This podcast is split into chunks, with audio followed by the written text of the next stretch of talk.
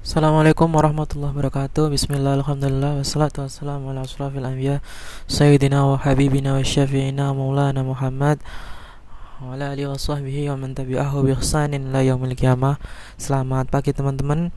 Uh, Selamat beraktivitas di bulan Ramadan. Pada kesempatan kali ini kita akan melanjutkan tema kita Melanjutkan pembahasan kita tentang sejarah dinasti Umayyah. Pada episode kali ini kita akan membahas tentang bagaimana lahirnya ide untuk mengangkat Yazid sebagai khalifah umat Islam.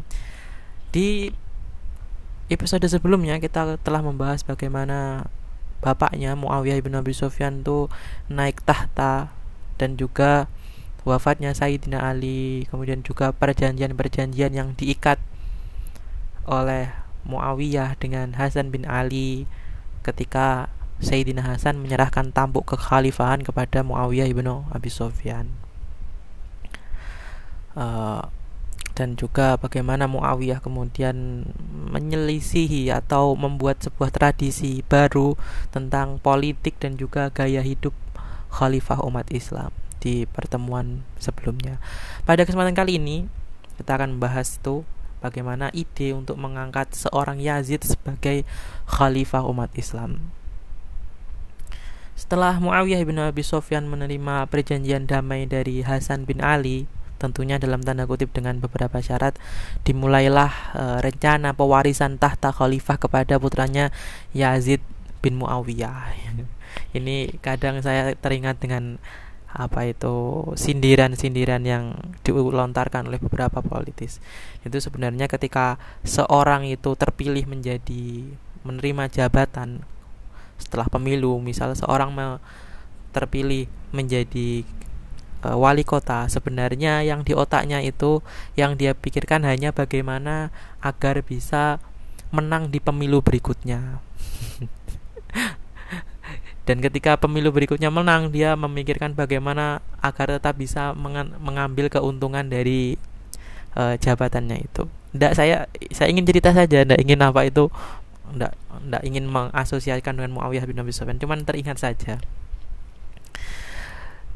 Ya, jadi yang dilakukan uh, Muawiyah bin Abi Sufyan ketika secara dejur dia sebagai khalifah yang dilakukan Pertama, dia beliau memulai tentang rencana mewariskan tahta khalifah kepada putranya Yazid bin Muawiyah. Ya sebenarnya banyak sih eh, pertimbangan. Nanti kita bahas satu persatu. Tentunya hal tersebut mewariskan secara atau menunjuk putra mahkota itu tindakan yang sebenarnya menciderai atau mengkhianati isi perjanjian dengan Hasan bin Ali. Kita tahu salah satu uh, syarat yang dikemukakan oleh Hasan bin Ali selain beberapa jaminan terhadap dirinya, keluarganya dan pendukungnya adalah yang terpenting untuk kemaslahatan umat bahwa Muawiyah mengembalikan jabatan kekhalifahan setelah Muawiyah itu kepada umat Islam. Maksudnya Muawiyah tidak menunjuk siapa pun agar umat Islam ini memilih secara mandiri apa itu yang dilakukan ya memilih secara mandiri pemimpin mereka. Jadi kalau kita merunut mungkin Hasan itu sangat mirip dengan datuk beliau yaitu Nabi alaihi salatu wasallam Sayyidina wa Habibina Syafi'ina Maulana Muhammad sallallahu alaihi wasallam. Beliau tidak menunjuk kepemimpinan setelahnya bagi kita ahlu sunnah seperti itu agar umat Islam memilih sendiri mana yang hmm, dirasa pantas untuk mereka. Itu apa itu melanggar perjanjian dengan Hasan bin Ali yang dilakukan Muawiyah terkait bagaimana proses pewarisan tahta tersebut dan latar belakang atas apa yang dilakukan Muawiyah, para sejarawan memiliki banyak perspektif, banyak sudut pandang tentang hal tersebut. Tapi yang jelas teman-teman dari semua narasi yang disampaikan oleh para sejarawan itu tampak sekali semacam ada usaha dari Muawiyah secara sistematis dan terencana untuk memastikan uh, lancarnya suksesi kepemimpinan tersebut.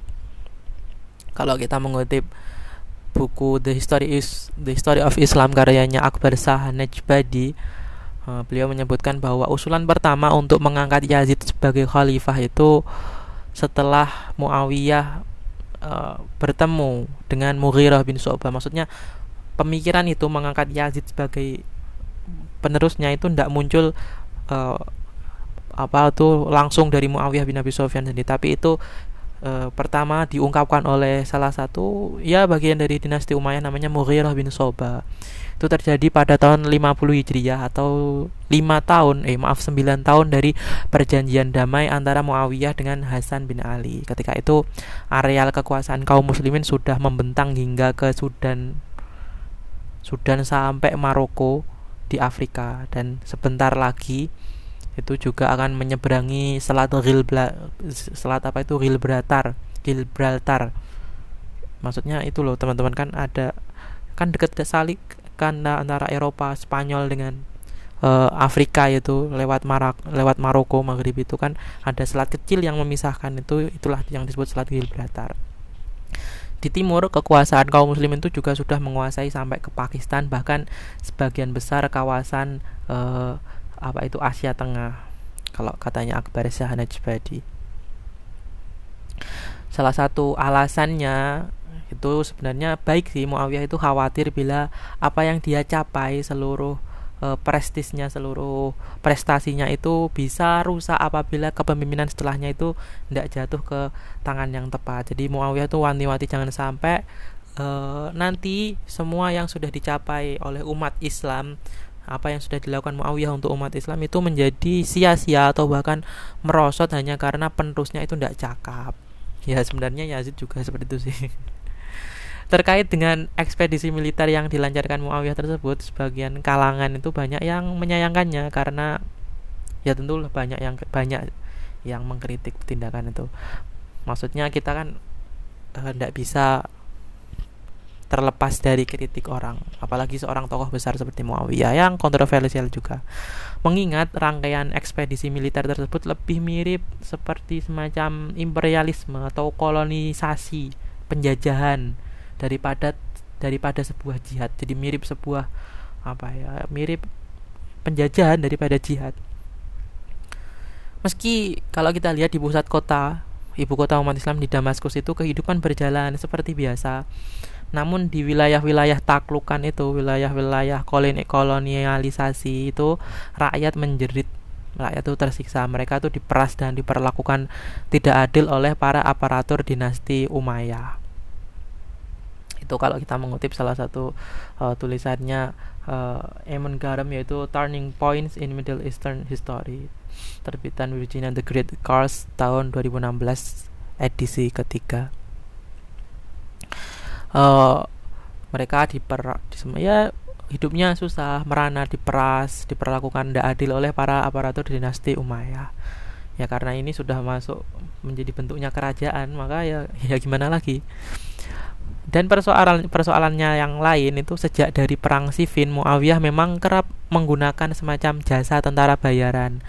Dan tersebut juga membutuhkan dana yang sangat besar untuk menggaji tentara bayaran tersebut Misalnya di Afrika Utara terjadi semacam perlawanan sengit dari suku Barber yang merupakan penduduk asli Afrika Utara melawan agresi kaum muslimin itu. Jadi alih-alih kaum umat masuk alih-alih Islam itu tersebar masuk secara damai, mereka yang seperti yang dilakukan apa itu Sayyidina Umar bin Khattab menjamin kebebasan. Kita tahu e, di zaman Umar itu ekspansi besar-besaran, tapi beliau tetap mengedepankan ke kebebasan berhidup dan kebebasan e, beragama. Jadi alih-alih masuk Islam secara damai, mereka bahkan berhasil membangun satu konsolidasi nasional berdasarkan nilai kesukuan yang dilakukan oleh suku Barbar untuk melawan imperialisme Islam dalam tanda kutip. Dan sebagai dampak lanjutan dari apa itu lahirnya paham asobia di kalangan Bani Umayyah karena efek domino perubahan sistem pemerintahan dari yang sebelumnya demokratis pindah ke apa yang dilakukan Umayyah sistem kerajaan maka tipe penaklukan atau ekspansi itu yang dilakukan Bani Umayyah juga menjadi semacam berbeda atau bergeser jauh dari nilai yang dicontohkan oleh Rasulullah Shallallahu Alaihi Wasallam. Seperti katanya Sayyid Amir Ali dalam bukunya The Spirit of Islam beliau mengutip pernyataan Osborne yang menggambarkan tentang apa yang dilakukan Muawiyah yang dilakukan dinasti Umayyah Bani Umayyah saat itu. Kata Asborn bahwa semangat kesukuan yang memun yang munculkan yang dimunculkan oleh Muawiyah itu telah menjadikan bangsa Asia seperti Persia, Afrika Utara, dan Spanyol tidak pernah terangkat kedudukannya setara dengan bangsa Arab. Mereka mendapat kejayaan, tapi di tengah kejayaan yang diperoleh itu mereka menyimpan semangat mereka, rasa persaingan, hasrat, dan kecemburuan antar suku padang pasir. Mereka berperang semata-mata untuk memperluas wilayah kekuasaan seperti halnya peperangan yang dilakukan orang Arab sebelum kedatangan Islam. Itu uh, kutipan Said Amir Ali dari Osborne. Ya, dengan kata lain kita bisa mengatakan bahwa di samping berhasil mengubah kerangka politik dan sistem pemerintahan kaum muslimin, Muawiyah juga telah menggeser perspektif jihad yang sebelumnya lebih bersifat ke defensif pertahanan. Jadi kalau umat Islam uh, diserang bertahan kemudian menyerang balik itu berubah menjadi sangat agresif.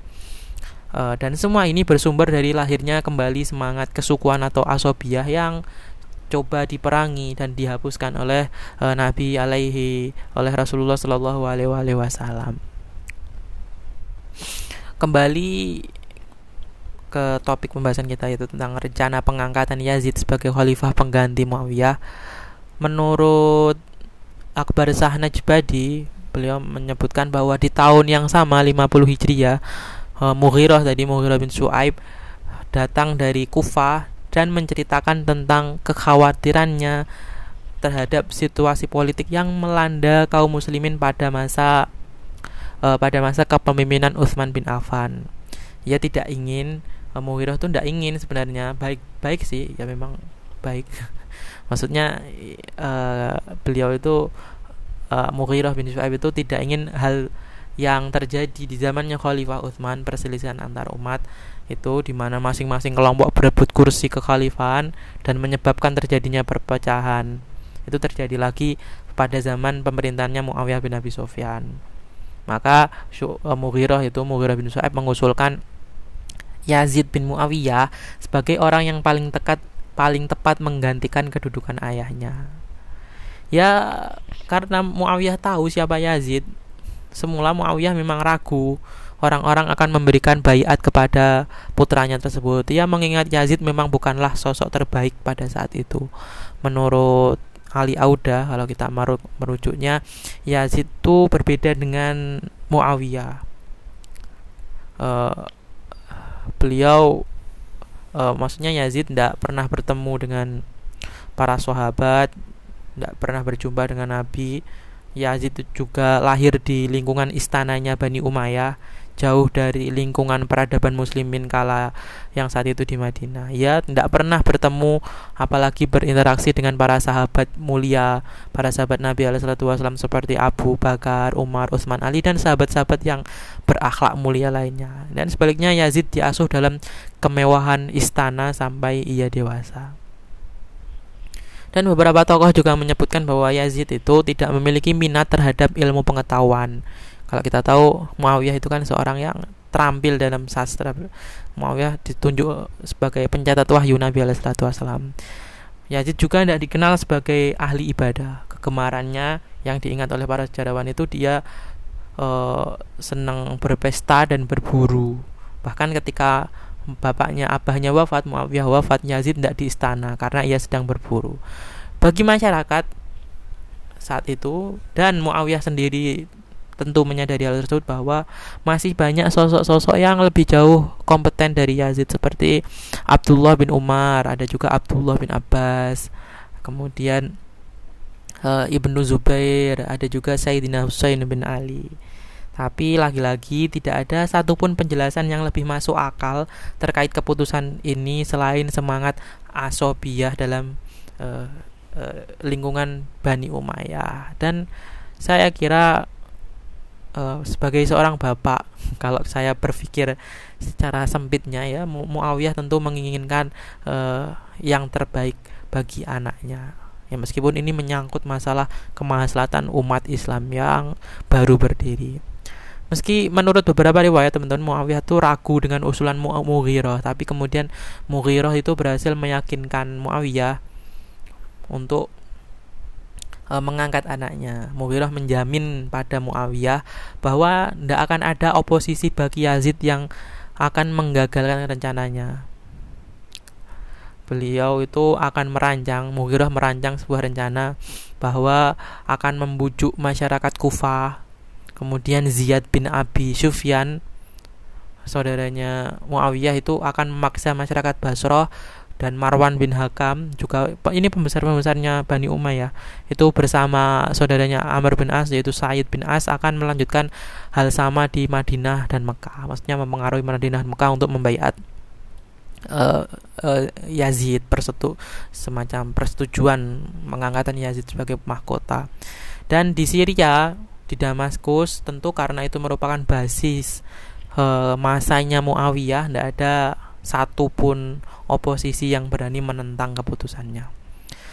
Di sini kita bisa mengetahui fakta yang jelas bahwa ide untuk mengangkat Yazid itu sebagai khalifah disadari sepenuhnya oleh Muawiyah dan pengikutnya Bani Umayyah sebagai suatu yang tidak mudah bahkan nyaris mustahil secara politik apalagi agama seperti berencana mendirikan sebuah benang basah tapi uh, Bani Umayyah tetap memaksakan untuk melakukannya. Ren rangkaian rencana tersebut pada ujungnya kelak akan menuai bencana besar dalam sejarah kaum muslimin yang dampaknya tetap terasa hingga sekarang.